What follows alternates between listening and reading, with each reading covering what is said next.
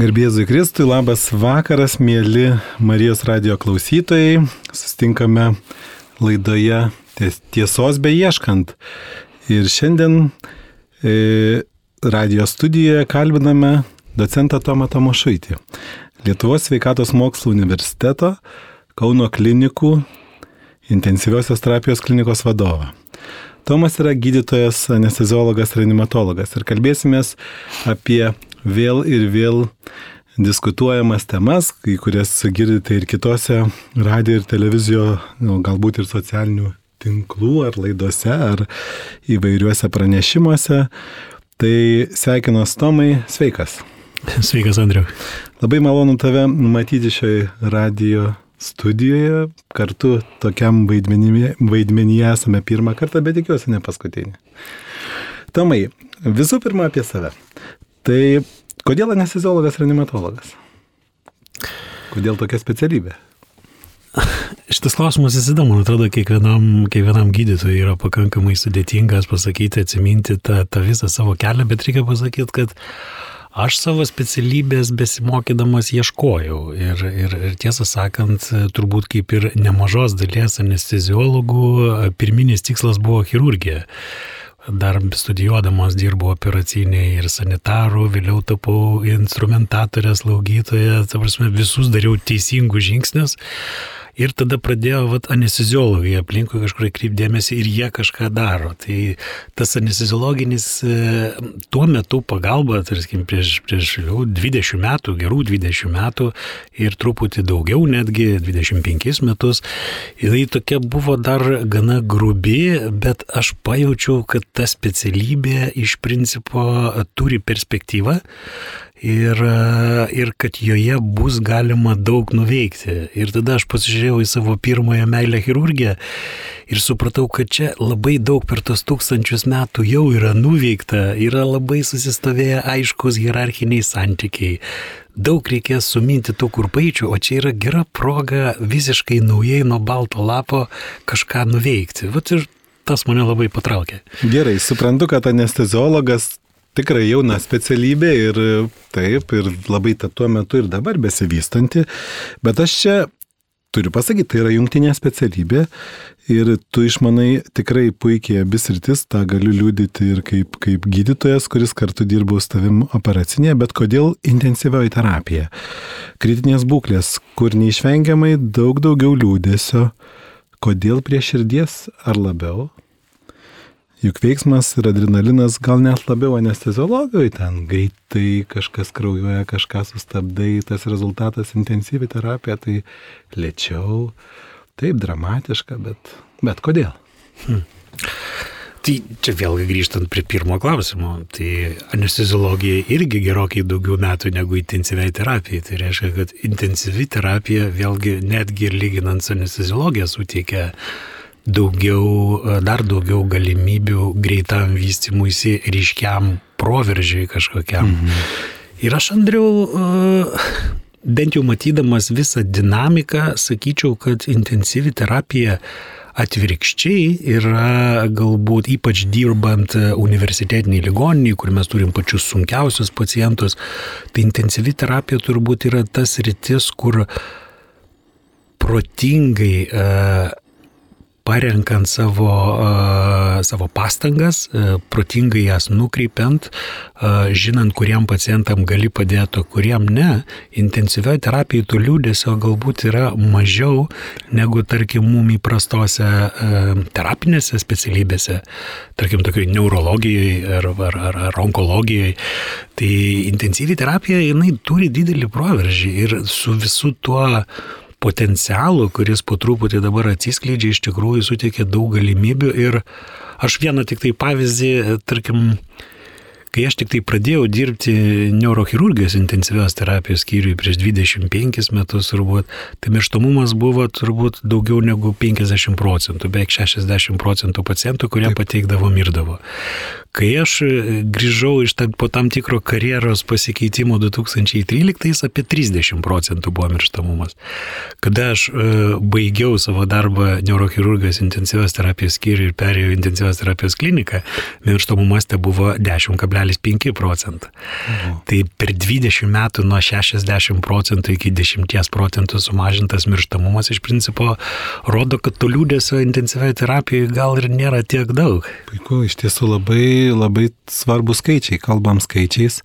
Ir jeigu prieš gerą savaitę kalbėjome apie anesteziologiją, kuriai narkozę, kuriai šio laikinė yra 177 metai, tai turbūt intensyviai terapijai Tomas mane pataisys, šio laikiniai, tai kurią suprantame, arba jo startui turbūt 73 nuo poliomelito epidemijos, ar ne? 50... 54 metai Ai, turbūt. Tai net 70. Tai nėra dar 70 metų bus.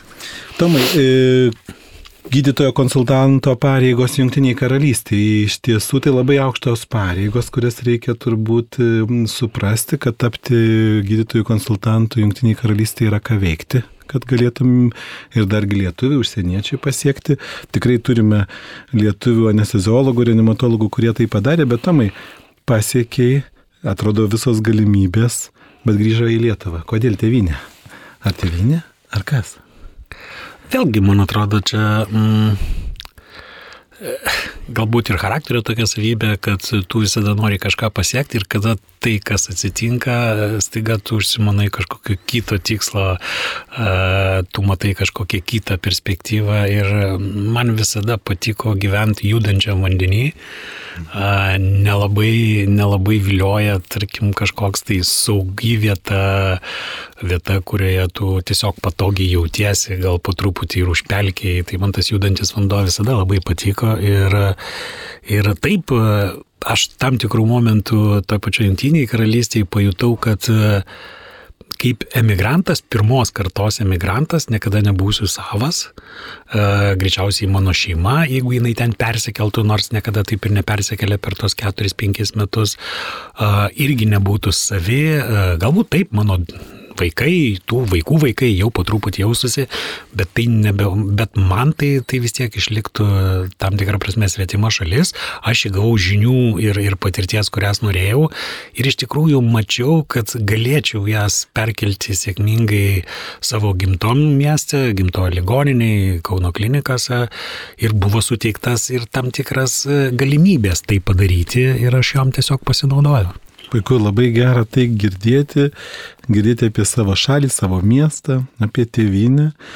Na, dabar keliaujame prie to, ko mes šiandien susirinkome. Iš tiesų, šiandien su Tomu kalbėsime apie eutanaziją, kurią vėl nugirdome diskutuojant ir apie turbūt tai, ką reikia kalbėti apie neproporcingą arba užsispyrilišką gydimą, apie kurį lyg ir visi daug maž žinome. Bet kadangi ta diskusija vis ir vis atgyja, tai mes e, ženkime tuo keliu. Taigi, tomai girdime ištrauktą eutanazijos kortą. Tai tarsi kultūros simbolis, kaip tu vertini va, tą visą atgimstantį, o gal čia romantika tokia, vis, žinot, tas mm, e, noras pakalbinti mirtį. Kaip, kaip visgi tu vertintum? Na, vertinant, jeigu kultūriškai visą uh, lietuvių, lietuvių kultūroje pakankamai svarbus akcentas yra, yra mirtis, pomirtinis gyvenimas ir man atrodo vien, vien vėlinių minėjimas, tradicija, iš tikrųjų nu, rodo didelį ar baltiškos kultūros ar lietuviškos kultūros įtaka, įtaka ta prasme, tam, vat, kaip tu vadinėjai, galbūt kaip kultūros simbolį mirčiai. Bet aš norėčiau dar vieną dalyką pasakyti, Jau dabar turbūt kažkokius metus skaičiau mūsų kultiniam, turbūt specialybiniam žurnale Lancete spausdintą straipsnį apie, apie, apie mirtį, apie tai, kaip medicina paskutiniu metu tobulėja. Ir, ir autoriai labai gražiai, man atrodo, tokią vieną parašę uh, sentenciją, kad prieš 50 metų uh, susirgus uh, buvo labai sunku išgyventi. Taip. Kadangi Truko, truko įrangos, truko žinių, supratimo, vaistų. Ir ką jie pastebėjo, kad per tos 50, 60, 70 metų staiga vakarų, ypač pasaulyje, pasidarė sunku numirti nes tau niekas neleidžia numirti, tave tempia ilgai, tau taiko vis sudėtingesnius gydimo metodus, a, netgi būkime atviri, dažnai tavęs neklausia, Taip. ko tu norėtum, ar norėtų tau taikyti tos metodus ar ne. Tiesiog gydytojai įgavo pakankamai didelę galę spręsti ir spręsti netgi už žmogų, kurį gydo. Tai man tas straipsnis paliko tokį e, gana, gana stiprų, e, stiprų įspūdį ir aš vat, e, sakyčiau, kad tas kalbėjimas apie mirtį, mirties kaip neišvengiamybės supratimas ir galbūt tam tikras krikščioniškas paklusimas ar, ar, ar, ar kuklumas ir gebėjimas pripažinti, kad ne viską galim kontroliuoti, a, turbūt yra svarbus dalykas. Tikrai labai aš e, tą tikrai atkreipiu dėmesį, tai, ką Tomas mini, darosi sunku numirti, nespėjam pasakyti savo nuomonės. Iš tiesų, gerbiami klausytojai turi suprasti, kad intensyvioji terapija pacientą gelbėdami mes turime imtis priemonių, jį užmigdyti, pradėti dirbtinę plaučių ventiliaciją neretai. Ir žmogus tuo momentu nebegali pasakyti. Ir vad prasideda ta riba, kur tu turi suvokti ir pats nepaslaptis spėti pasakyti, e, bet ta aiški pozicija tikrai labai svarbi, bet ir gydytojai ir aplink esanti bendruomenė turi taip pat pagalvoti, ar, adek, na, ar iš tiesų tas gydimas yra taikomas proporcingas, ar jis nėra užsispyrėliškas. Kaip mes sakom, nuo būdėjimo iki būdėjimo, jeigu pradžioje žmogus laikosi, tai jau tada ir visą būdėjimą turi atsilaikyti, na ir, ir taip keliaujame, apie tai nekartą esame kalbėję. Kaip tvarkosi kitos šalis? Junktinė karalystė, aš suprantu, kad jos labai skirtingos. Vienos turi eutanaziją, vienaip ar kitaip įsiteisinę. Kaip Junktinė karalystė, ar tau teko kažkokiu ten susidurti su tais klausimais? E, kaip ten? Reikia pasakyti, kad e, aš išvykau į Junktinę karalystę 2008 metais. Tai 2008 metais e, Lietuvoje aplamai nebuvo jokių diskusijų apie gyvenimo pabaigą ligoniniai. Ligoniniai žmogus galėjo numirti tik tai išnaudojus visas absoliučiai mums žinomas medicinos priemonės. Ir neproporcingas, aišku. Na, tokias, kokios buvo žinomos, tokias visada ir taikydavom. Nesvarbu, kad pacientas serga beviltišką lygą, ta lyga yra toli pažengus, kad jisai, tarkim, jau metai laiko neišeina iš ligoninės, visas gydimas jam prieš tai buvo taikoma, vis tiek tas žmogus bus gaivinamas, vis tiek tam žmogui bus taikomos visos reanimacinės priemonės, jisai bus izoliuojamas, jisai bus vienas, artimieji jį lankys net ir tą, kaip čia pasakyti, paskutinį gyvenimo etapą tik tai per lankymo valandas, galbūt mhm. kartą, kartą per dieną valandą laiko, gal ir mažiau, priklausomai nuo situacijos intensyvios terapijos skyriui. Reiškia, tu mirštis vienišas, e, apleistas, aplink tave yra nepažįstami žmonės, kurie keičiasi kas pamainą, tau daro daugybę procedūrų, kurių prasmės nei tu nesupranti, e, iš dalies kartais nemato net ir pats personalas, e, tu, bet tiesiog tokia tvarka taip reikia daryti. Tai nuvažiavus į Junktinę karalystę man pagrindinis buvo kultūrinis turbūt šokas, kai aš tapau konsultantu ir mane pradėjo kviesti į aptarimus dėl ligonio prognozės. E, visiškai neįprastas dalykas, aš puikiai žinojau, kaip reikia gydyti žmonės, kaip reikia pradėti gydimą, kaip įtesti, ką aš dabar turiu daryti, aš daug skaičiau ir stengiausi, kaip išgelbėti tą gyvybę, ką aš dar čia galėčiau sugalvoti. Ir staiga tave pakviečia į, į, į aptarimą paciento prognozės, sėdi artimieji ir, ir tada tu supranti, kad iš tikrųjų konsultantas arba jau patyręs gydytojas, geras gydytojas, jisai turi ne tik žinoti, kada pradėti gydimą, bet ir kada baigti tą gydimą, kada tą gydimą užriboti, kada suprasti, pamatyti tą didesnį paveikslą, e, įvertinti žmogaus perspektyvą. Ir, ir iš tikrųjų tai buvo tokia, na, keičianti patirtis. Man labai ir patiko to pačiu, ir, ir, ir patiko, ir man buvo iš pradžių nesuprantama, bet paskui galbūt labiau aš įsenau artimųjų požiūris. Artimieji e, toj šaly bent tuo metu pasitikė sistema, Ir net jeigu aš esu, tarkim, užsienietis, akivaizdžiai kalbu su akcentu, bet aš esu gydytojas, aš esu tokiuose, tokiuose pareigose ir jie manim pasitikė dėl to, kad jie pasitikė sistema. Ir jie, jie išklauso tavo nuomonės ir kas įdomiausia, dažniausiai jie žinodavo ir savo artimojo nuomonę apie gyvenimo pabaigą, kur jisai norėtų būti tam tikrų metų, kai bus labai blogai. Ar jisai norėtų būti, tarkim, gaivinamas, ar jisai norėtų būti intubuojamas, ar jisai mhm. norėtų kažkokių vaistų, kurie labai ilgai palaikytų jo kraujospūdį be iškios perspektyvos pasveikti. Ir jie, kaip bebūtų keista, gebėdavo nupasakoti e, artimojo nuomonę ir, ir jo požiūrį. Tai Lietuvoje ir po šiai dienai pakankamai sunku yra su artimaisiais kalbantis užklausus, o ką, o ką mane, vat, nu turbūt mažiau negu 50 procentų artimųjų vis dėlto pripažįsta, kad buvo apie tai kalbėta, mhm. net jeigu lyga yra ne pirmi metai ir mirtina lyga, tai. vis tiek labai retai būna kalbama. Nežinau, kodėl yra vengiama šitų temų. Mhm. Visiškai. O eutanazijos, taip, Junktinėje karalystėje eutanazijos nėra, Aha, aktyvios eutanazijos nėra, bet yra teisingas, racionalus ir, sakyčiau, žmogiškas požiūris į, į tą perteklinį gydimą, tai į atsižvelgimą į pati, paciento interesą, į gebėjimą matyti tą pacientą kaip komandos narį e, gydimo. Taip, ne tik tai gydytojai aplinkui yra ten komandos nariai, slaugytojai, padėjėjai, nežinau, įvairiausios tarnybos, bet ir pats pacientas, kuris turbūt yra esminė šitos visos gydimo komandos dalis. Ir išgirsti jo poreikius, išgirsti jo nuomonę, tai tikrai yra labai svarbi tos vakarietiškos medicinos dalis. Taip, e, kalbėsim netrukus apie tai, ką pavyko Tomui ir jo bend, nu, turbūt bendražygiam kolegoms padaryti, nes iš tiesų turime palankę įstatyminę dirbą arba Lietuva turi palankumą netaikyti neproporcingo gydimo, bet tai, ką Tomas sako, kad kaip supažindinti, e, kaip žinoti net artimiesiems savo, savo artimo poziciją, nuomonę, kaip ją gebėti pristatyti, galbūt diskutuoti, bet apie tai netrukus, nes tikrai pasiekimų turime. Mes e, klaidingai kartais galvojame, kad ne, neturim Lietuvoje pasiekimų, tai jų yra.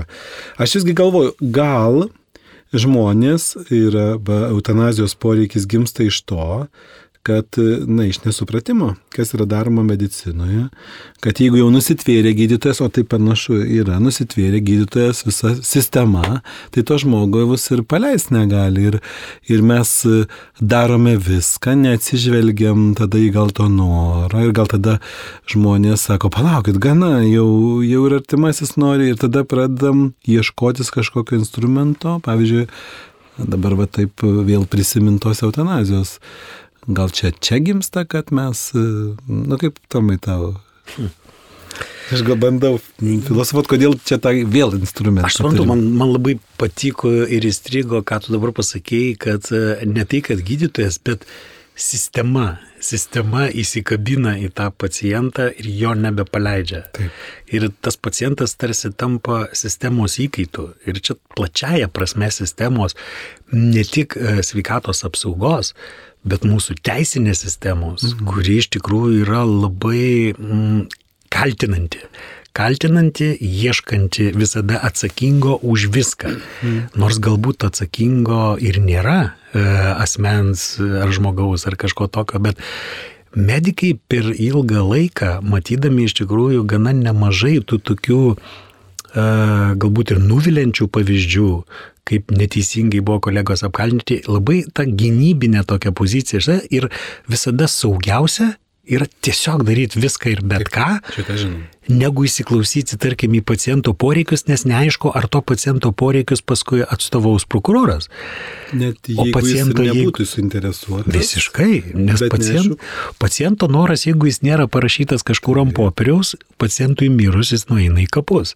Mhm. Tada paciento noras taiga pradeda atstovauti prokuroras, Na, kuris gali, tai turė, gali turėti visai teisinę. kitą nuomonę mhm. apie tai, kas įvyko. Todėl ta gynybinė medicina Lietuvoje giliai, giliai įsišaknyjus ir reikia pasakyti, jinai neveikia paciento naudai. Taip. Labai dažnai.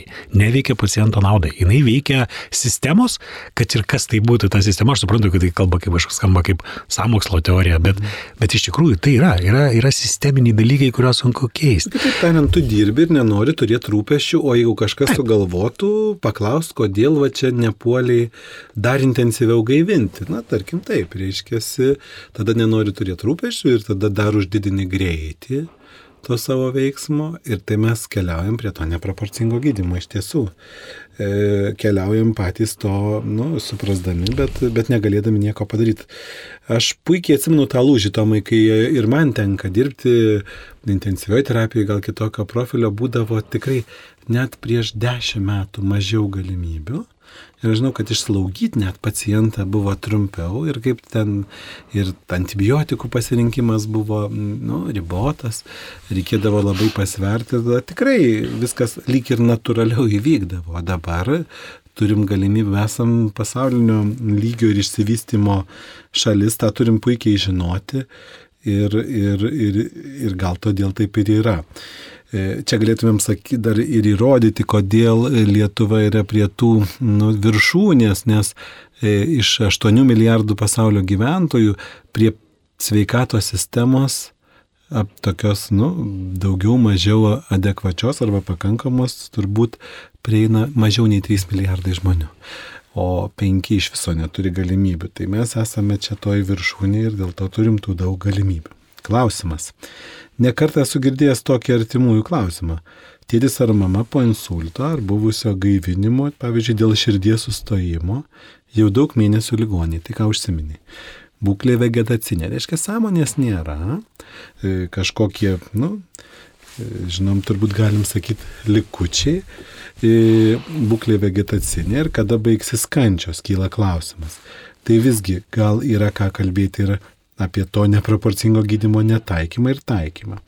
Šitoj vietoj, Tomai, prisimink klausimą, kurį, kurį galvoja, gal, na, galvojam užduoti, bet dabar turime radio klausytojo skambutį. Prašom. Skambina klausytojas Antanas iš Žemaitijos. Antanai, jūs eterija. Sveiki, Antanai. Aha, gerą vakarą. O gal gydytojų studijoje, ne? Abu du gydytojai.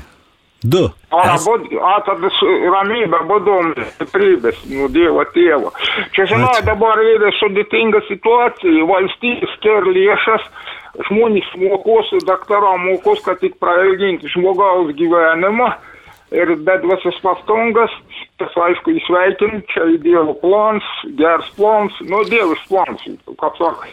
Bet bėda į kitą, kad rekao kitam, kad e, Putins į teroristų porą nužodo, na, nu, 50-12 žmonių, bet Lietuvos motinas nužodo nagėmušių irgi po dešimt. Jos susilygino mūsų krašto motinas, merginasi panelės su Putinu, mūsų valstybė teroristinė. Žodo nagėmušių nekaukau svoks, kap daktaro, kap daktaro končia galvo, gdje konėjų kočia. Ko Nu, yra kažkaip išeiti atrodo, taip negalėjom laukti, kol, kol pondai sieronumas iš dongaus.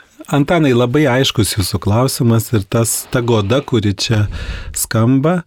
Ir mes grįšim prie šitos temos, bet aš manau, kad atskira bus Marijos radio laida, skirta tikrai skausmingai temai Lietuvoje, ne tik neštumo nutraukimui, bet ir šio, šio laikotarpio e, šiais metais tikrai labai liūdnai temai, tai medicamentinio neštumo nutraukimo, kurį įteisino turbūt šiuo metu e, dirbantis valstybės institucijose pareigūnai ir tas klausimas tikrai labai sunkus, bet atskira tema. Tai aš galvoju, jūs būkite kantrus, mes e, tikrai pasižadam, kad grįšim prie šito klausimo ir grįšiau čia labiau nerenimatologas Tomas, arba aš anesteziologas, bet kalbinsim mūsų visgi tikinčius akušerius gynekologus, kuriems daug ką atsakys. Tai, tai tikrai klausimas aiškus. Šiandien atsisveikinam su jumis, bet sugrįšim artimiausių metų. Ačiū Antanai. Tai gerai, e, Tomai, e, sugrįžtame į tą klausimą. Visgi žmogus vegetacinėje būklėje, lyg ir jau buvom atsakę, vegetacinė reiškia ta būklė, kur tu jau nebe, nebe bendrauji, nebe mastai, esi na, turbūt, kaip mes sakom, refleksų lygyje, e, galbūt kažkokie ryjimo likučiai išlikę, jau ir kvepavimas nepakankamas. Taigi, m, kyla klausimas, artimiesiam, tai kada baigsis tos kančios? E, Ir va čia turbūt e, tenka, ką daro reanimacija. Va turi tokį pacientą, atgaivintą, bet likusį savo valios neišreiškia. Artimieji klausia, kada baigsis tos kančios, kiek čia daktarė dar tęsis. Ką darot? Aš suprantu, kad kur nors jungtinėje karalystėje jau būtų sprendimas, bet ir pas mus gal jau yra. Šitoj vietoj gal, ir, gal yra truputį kitokia, aš sakyčiau, situacija, nes e, jeigu, e, tarkim, paciento gydimas baigėsi, na, tokia ne visai uh, nesėkmingai, nes aš, aš galvoju, kad ne gyvybės visada išsaugojimas svarbiausia, o svarbiausia žmogaus gražinimas į visuomenę, į šeimą yra pagrindinis tikslas į visą vertį gyvenimą, mhm. bet, bet ne visas aplinkybės galima numatyti gydimo metu ir jeigu taip jau atsitiko, kad mhm. žmogus, tarkim, liko su grubiais neurologiniais ar sąmonės sutrikimais, po to ir negali savim pasirūpinti. Bet vis tiek klausimas yra čia ne apie uh, tolesnį kažkokį gydimą ar sprendimus, mhm. nes klausimas čia jau nebėra apie gydimą, klausimas ateina apie slaugą, Taip. apie, apie paliatyvų gydimą, tai reiškia žmogaus kančios sumažinimą, gebėjimą numatyti jo poreikius, nes kiekvienas žmogus, net ir būdamas vegetaciniai būkliai, turi poreikius. Bet tuos poreikius jau nebe intensyvi terapija numato, o paliatyvios medicinos, slaugos specialistai, kurie puikiai galėtų tvarkytis ir hospisuose, slaugos namuose, bet šita vieta Lietuvoje, mano manimu, yra dar tik tai kūdikystės kažkur tai fazai.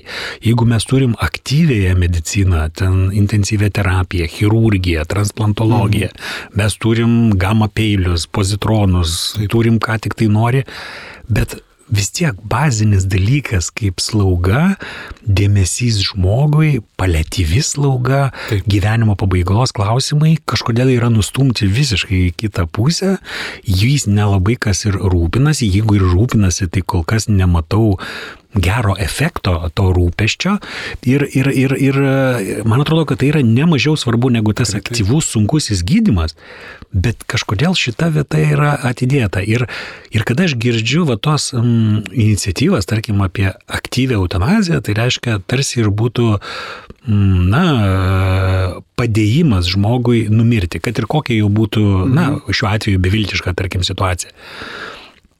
Nežinau, ar tokiu būdu nėra sprendžiamas tarsi tarpinės grandies trūkumas per iškart labai radikalų nuėjimą, nes mes turim labai gerą pradinį gydimą, tą sunkią mediciną, tada nesėkmės atveju ji turėtų pereiti į slaugą, į paliatyvę mediciną, į gyvenimo pabaigos klausimus, o mes taiga visą šitą praleidžiam, jo neišvystom ir staiga perškom tiesiai į eutanaziją. Taip. Tarsi išsprendžiam šitą klausimą savo, čiak, čiak, viskas padaryta. Aktyviai, jeigu nepavyko, jeigu užbaigti. Ne, taip, tik aktyvų arba nepavyko. Reiškia, mes praleidžiam didelę tarpinę grandį, kuri tikrai yra labai svarbi ir, ir tų pacientų slauga ir paliatyvi yra net nebūtinai po lygos, gali būti dėl senatvės, dėl išsekimo, kuriam viso to reikia reikia, bet e, va aš šito pasigendu. Ir dar jeigu galiu, Andriu, aš mhm. apie tą eutanaziją kalbant, aš galvoju, kad Nes mes apie įstatyminę bazę dažnai kalbam, mm, ar, ar galima, ar negalima, ar čia įstatymai leidžia, mhm. neleidžia. Man atrodo, kad e, eutanazija, gyvenimo pabaigos klausimai, tai nėra apie įstatymus. Tai apie visuomenės brandą, mhm. apie pasitikėjimą vieni kitais, apie pasitikėjimą sistema, ką mes kalbėjom, kaip Anglijai pasitikė tiesiog sistema žmonės, suprantu, kad ne visi, bet dauguma, apie vieni kitais pasitikėjimus reiškia, nes aš kaip gydytojas vis dėlto esu tos bendruomenės narys. Mhm. Tai nebūtinai mane žiūrėt kaip į kažkokį tai visiškai iš sistemos žmogų ar ten kažkokį gydytoją ar vadovą ar dar ką nors. Aš tiesiog esu bendruomenės narys ir aš norėčiau, kad pasitikėtų manim tada kaip bendruomenės, kaip visuomenės mhm. nariu. Ir to šiek tiek pasigendu Lietuvoje. Ir man atrodo, kad čia juk įstatymai, įstatymai, Seimo nariai ir visa kita šito nepakeis tol, kol nepasikeis šiek tiek pati visuomenė visuomenė. Nustosim įtarinėti, ar ne, nuolat. Nuolat įtarinėti, nuolat ieškoti kaltų, nepripažinti kažkokių neišvengiamų dalykų. A, Bet čia turbūt ateina per visuomenės ramybę, per tam tikrą ilgesnį jos ramų gyvenimą, tarkim, taip šalies. Juk mūsų šalis yra tokia amžinai blaškoma, turim ten keliasdešimt metų ramesnį periodą ir vėl kažkas nutinka ir vėl. Ir galbūt jau vos ne genetiškai gaunasi toksai, na žinot, neramumas. mes nepasitikim niekuom, pasitikim vat labai labai tik tai savim, na gal artimiausiais, bet bendruomeniškumo mažoka, bet gal čia yra tiesiog jau dėl tos sunkios mūsų istorijos ir panašiai, ir čia tam reikia tiesiog ilgesnio laiko subręsti kaip visuomenė, nes iš tikrųjų Nu, juk e, eutanazija arba tos e, labai rimtai apie mirties klausimus šituo atveju, nu, aštuonios šalis pasaulyje tik tai turi. Aha. Legaliai eutanazija yra tik aštuoniuose šalyse, aktyvi eutanazija. Tai, tai kokios subrendimo šalis. Ir mes kalbame apie Belgiją, Olandiją, kur, žinot, ir, ir lengvėjai narkotikai teisinti, ir, ir, ir, ir vis įvairiausi gydimo apribojimai. Žmogaus laisvė, liberalumas tose šalyse yra aukščiau visko. Žmogus ir jo artimieji patys sprendžia, ko jie nori, kaip būti, ką daryti. Tai mes kol kas tikrai nu, nesam vienam lygmenį pasitikėjimo vieni kitais e, žmogaus laisvės, tos vidinės laisvės atžvilgių, kaip tarkim Olandija, Belgija, Kanada ir Australija. Nu, tokia Australija, jinai karų niekada nemačius, jinai gyvena visą laiką savyje, gali bendruomeninius ryšius vystyti labai ilgai, kaip ir Kanada tokia, ir kur čia vidury Europos ir mes va ant to Suprantu, aš vis galvoju dėl tos slaugos sugrįžti, kas yra labai svarbu ir turbūt daug kas susidėliotų. Aš tai visgi manau, kad ta slauga vystosi ir labai stipriai, bet sutinku su tomu, kad pradžiai sunkioji medicina pažengė, slauga vėluoja, taip, bet, bet aišku, tų gražių pavyzdžių yra. Aš pastebiu kitą tomai dalyką. Tarkim, nutariamas yra žmogus yra slaugomas. Tikrai vegetiniai būkliai, maitinamas, ten nuskausminamas. E, visai kaip e, prižiūrimas, vartomas, e, kas tik galima taikoma, tarkim, ir taip yra Lietuvoje, jau tų pavyzdžių labai yra gerų, jis yra palėtyvios slaugos aplinkoje ir staiga kažkas nutinka, jį staiga iš tos palėtyvios slaugos, nu turbūt galim sakyti, permeta į aktyvaus gydimo įstaigą, nu ir vėl jinai neturi ką daryti ir vėl prasideda, užsiveda tas ratas. Lyg ir turėjo žmogus gyventi savo tą kelią, kelią nieks nepasikeitė, sąmonė neatsistatė, jisai yra. Kaip, ar, ar turit tokių ligonių ir ar tai nėra reta? Aš manau, kad tai klasikinis pavyzdys iš, e, iš to tokio beviltiškos medicinos, demotivuojančios medicinos e, krepšelio, mhm. kada pacientas jau ilgą laiką yra slaugomas. E, Tarkime, kad ir su amžium susijusios lygos, na, tarkim, Alzheimeris žmogui yra, Parkinsonas lygos, lygos, kur žmogus tikrai nebežino nei kur jis yra ir taip daug metų, jis yra pilnai priklausomais nuo aplinkinių. Ir, ir staiga jam, nežinau, atsitinka kažkokia gal ir umita problema, bet, mm bet iš principo jinai nekeičia visos gyvenimo perspektyvos. Ir trajektorijos. Ir, ta, ir trajektorijos. Ir tas žmogus tiesiog vėl patenka į ligonę ir jis vėl pradeda suktis per tą aktyvios medicinos ratą. Nors to žmogaus e, gyvenimo tiekmėje plačiaja prasme niekas nepasikeitė. Mhm. Jis tiesiog eina. Tai aš, aš kartais pasigendu gal ir kolegų to tokio supratimo, o tai kaip žmogus turi mirti Lietuvoje. Būtinai naktį, kai niekas nematė, mhm. nes tokios mirtys yra priimamos. Na taip, nepastebėjom, numirė kažkur, va iš ryto atėjo į palatą slaugoj ir, ir, ir, ir taip jau atsitiko, bet, bet iš kitos pusės, nu, mes turim ir supras, kad mirtis yra neišvengiama e, ir, ir ypač tokių situacijų metu. Gerai.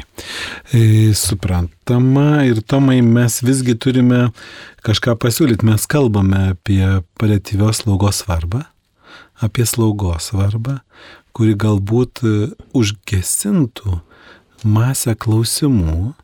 Mes kalbame apie adekvatų skausmo medicinos taikymą, kad žmogus nejaustų skausmo ir nesieškotų tos, to sprendimo, tarkim, per eutanaziją, kaip, kaip spekulacija. E, Du dalykai - paliatyvi slauga, tikrai kokybiška slauga, skausmo medicina. Bet visgi, ką mes padarė Lietuvoje, nedaug laiko mums lieka, ką mes esam padarę Lietuvoje, e, dėl paciento, dėl žmogaus ge- gebėjimo pareikšti savo valią.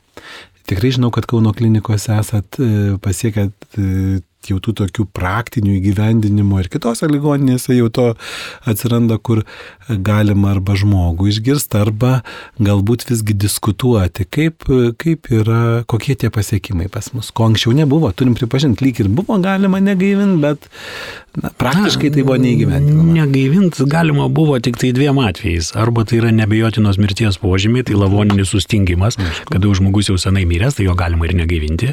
Taip. Arba yra pavojus pačiam gaivinančiajam. Na, ta prasme, taip, aš gaistre į gaisrą neturiu lipti, kad kažkam suteikti Aišku. pagalbą. Jeigu tai nesaugu man pačiam. Daugiau viskas, visais kitais atvejais buvo privaloma gaivinti. Ir, ir, ir, ir neįsiklausant į žmogaus valią. Ir mes tikrai girdėdom anksčiau tokių klausimų. Ir, ir, ir, ir sak, sakydavo, žiūrėkit, šita būklė tokia bloga. Ir, ir ta prasme, mes suprantam, na, tarkim, vėžys yra plačiai išplėtęs. Ir mano artimasis miršta, artimieji taip sako. Bet ar reikia čia į tą reanimaciją, reikia to gaivinimo. Sakai, žinot, bet šitoje situacijoje niekas čia jūsų labai ir neklausia. Nes mums reikia saugotis prokuroro per petį, neaišku, kuris čia iš jūsų kitų giminių pasiskūs ir mes viską tai darysim.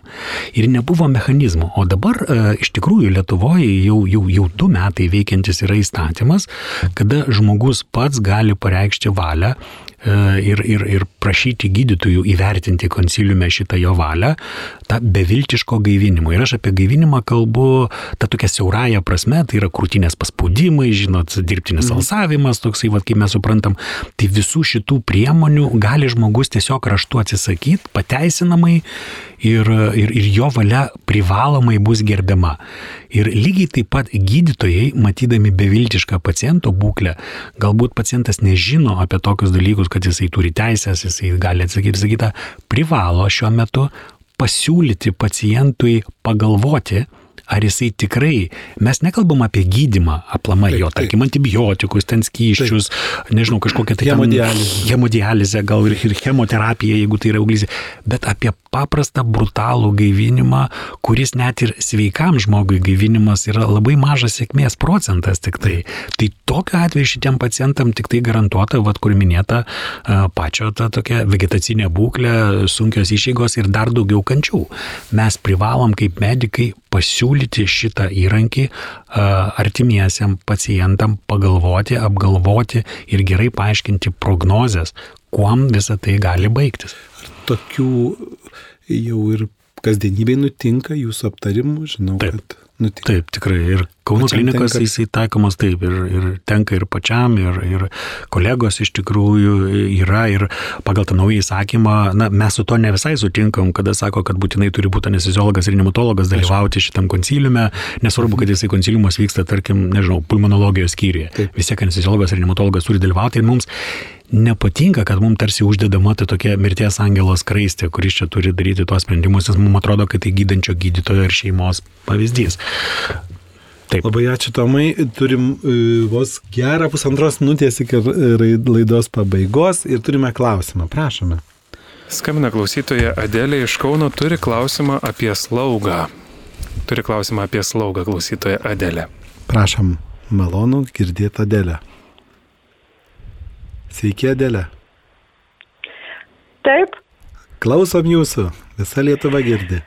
vat aš norėjau, norėjau užduoti tokį klausimą. E, Aš pirmos grupės invalidė nuo 94 metų. Ir man, e, kai grupę davė, buvo parašyta pirminiam būtina slauga. Bet aš dar truputį judėjau, aš iš pradžių neėmiau tos slaugos. Nu, neėmiau, nu, ai, valdiškus pinigus čia dabar. e, Taip. O dabar aš jau trys metai, ketvirti turbūt, keturi jau turbūt. Aš ne, nebevaikštau, man įsėtinė sklerozė ir man nuo galvos. Pas mane e, magnetiniai rezonansus daro, tai galva prisnik, kaip prisnikta. Taip. Ir aš, man jinai sveiksta, aš, kojos mano sveikos, bet aš negaliu į šoną pažiūrėti, negaliu į viršų, nei į apačią, aš griūnu. Taip. Suprantat? Adelė, ir dabar suprantam. e, gydytoja suro, visi gydytojai mane praėjo, visi. Lygų rado bent pusę šimto turbūt. Taip. Ir e, slauga suruošė dokumentus, nunešė į komisiją. Taip. Komisija viskas gerai, viskas tvarkoj. O slaugos neduoda, reikia samdyti advokatą, e, perduoti jam dokumentus, jis eis į prokuratūrą. Jeigu prokuratūra e, su- sutiks, tai neš į teismą, jeigu teismas priteis, tada duos slaugą. Tai va jau dabar treti, trys jau turbūt metai. Dėl to slaugos eina va toks va. Visur reikia laukti. Po, po tris, po keturis mėnesius. Taip, Adelė, puikiai Va. suprantam tą bėdą, kurią turite. Ne, nėra ta tiesiogiai medicinos ir slaugos problema, čia yra teisinis klausimas, kaip tą įgyvendinti. Ir tikrai e, suprantam, kad stengiasi valstybės institucijos tą spręsti kiekvienam žmogui, bet tai tų atvejų yra įvairių. Ir šiandien turbūt nespėsim išanalizuoti, nes jau mūsų radio ir laida baigėsi. Tai Adelė, tikrai aš suprantu, kad tai, kas priklauso žmogui, turi priklausyti. Ir, na, linkim kantrybės, šiandien toliau, jeigu ta slauga tikrai pagal būklę priklauso, jinai turėtų vienai per kitaip jūs pasiekti tą, ko jums reikia. Ačiū Jums labai. Tomai, paskutinės minutės, sekundės turbūt, e, žingsniai padaryti Lietuvoje. Nėra viskas taip blogai. Panašu, kad vis tiek žengėme į priekį ir visai, na dar to, tikrai tie poreikiai yra visai kiti. Su, su, sutvarkyti slaugos klausimus, e, na, padaryti tą jungtį tarp aktyvios ir agresyvios, gerąją prasme agresyvios medicinos prie žmogaus slaugos. E, Ką visgi palankėtumėm žmogui arba artimiesiem, kaip laikytis, e, kalbantis su intensyvios terapijos gydytoju, kai yra va tokie, ar, ar išgirsti, ar, ar nežinau, ar, ar kreiptis, ar klausti, ar nebijot kalbėtis. Ką Aš galvoju, kad tikrai čia labai, yra. labai geras yra pasakymas ir uh, kartais mūsų žmonės galbūt ir uh, per mažai klausia, per mažai klausia, per mažai, uh, uh, kaip čia pasakyti, konkrečių klausimų užduoda. Nebijokit klausti, nebijokit klausti apie prognozę, nebijokit klausti gydytojų apie taikomą gydimą ir kas gali būti dar padaryta ir ar tai racionalu. Bet man atrodo, pats svarbiausias dalykas tai turbūt vis tiek mums visiems šeimose iš principo pasikalbėti, kas būtų, jeigu būtų ir gyvenimo pabaigos klausimai. Jeigu mane ištiktų nelaimė, aš neteksiu sąmonės ir būsiu vienokia ir kitokia būklė. Ar aš norėčiau, kad man būtų daroma tokie veiksmai medicininiai ar kitokie, tai labai palengvina artimųjų apsisprendimą, tas pokalbis, tas žinojimas, kokia, kokia yra to paciento valia pačio. Tai šitas, man atrodo, pats svarbiausias dalykas. O žinoma, medikų reikia klausti, reikia klausti atsakymų ir, ir, ir, ir dar kartą jų vėl iš naujo. Jo, ačiū labai Tomai, ačiū už pokalbį. Tikrai turbūt galiu sakyti, kad nenorėčiau, jeigu man nutiktų taip, kad tektų būti negryžtamai kokioje vegetaciniai būklėjai, būti e, neproporcingai gydomam, tempiamam, vardant kažkokio, tai taip susitaikyti reikia artimiesiam, tai užtrunka gana aišku ir netokį ilgą laiko tarpą, galbūt atsisveikinti reikia, bet kad tai netaptų kažkoks neproporcingas, užsispyriliškas gydimas. Ir to tikrai norim linkėti. Ačiū Tomui. Ačiū, Andriu. Tomas Tamošaitis, docentas Kauno klinikų Lietuvos sveikatos mokslo universiteto ligonės intensyviosios terapijos klinikos vadovas, o kartu studijoje buvau aš, Andrius Macas. E, ramaus vakaro, mėly klausytojai ir iki kitų susitikimų. Sudie.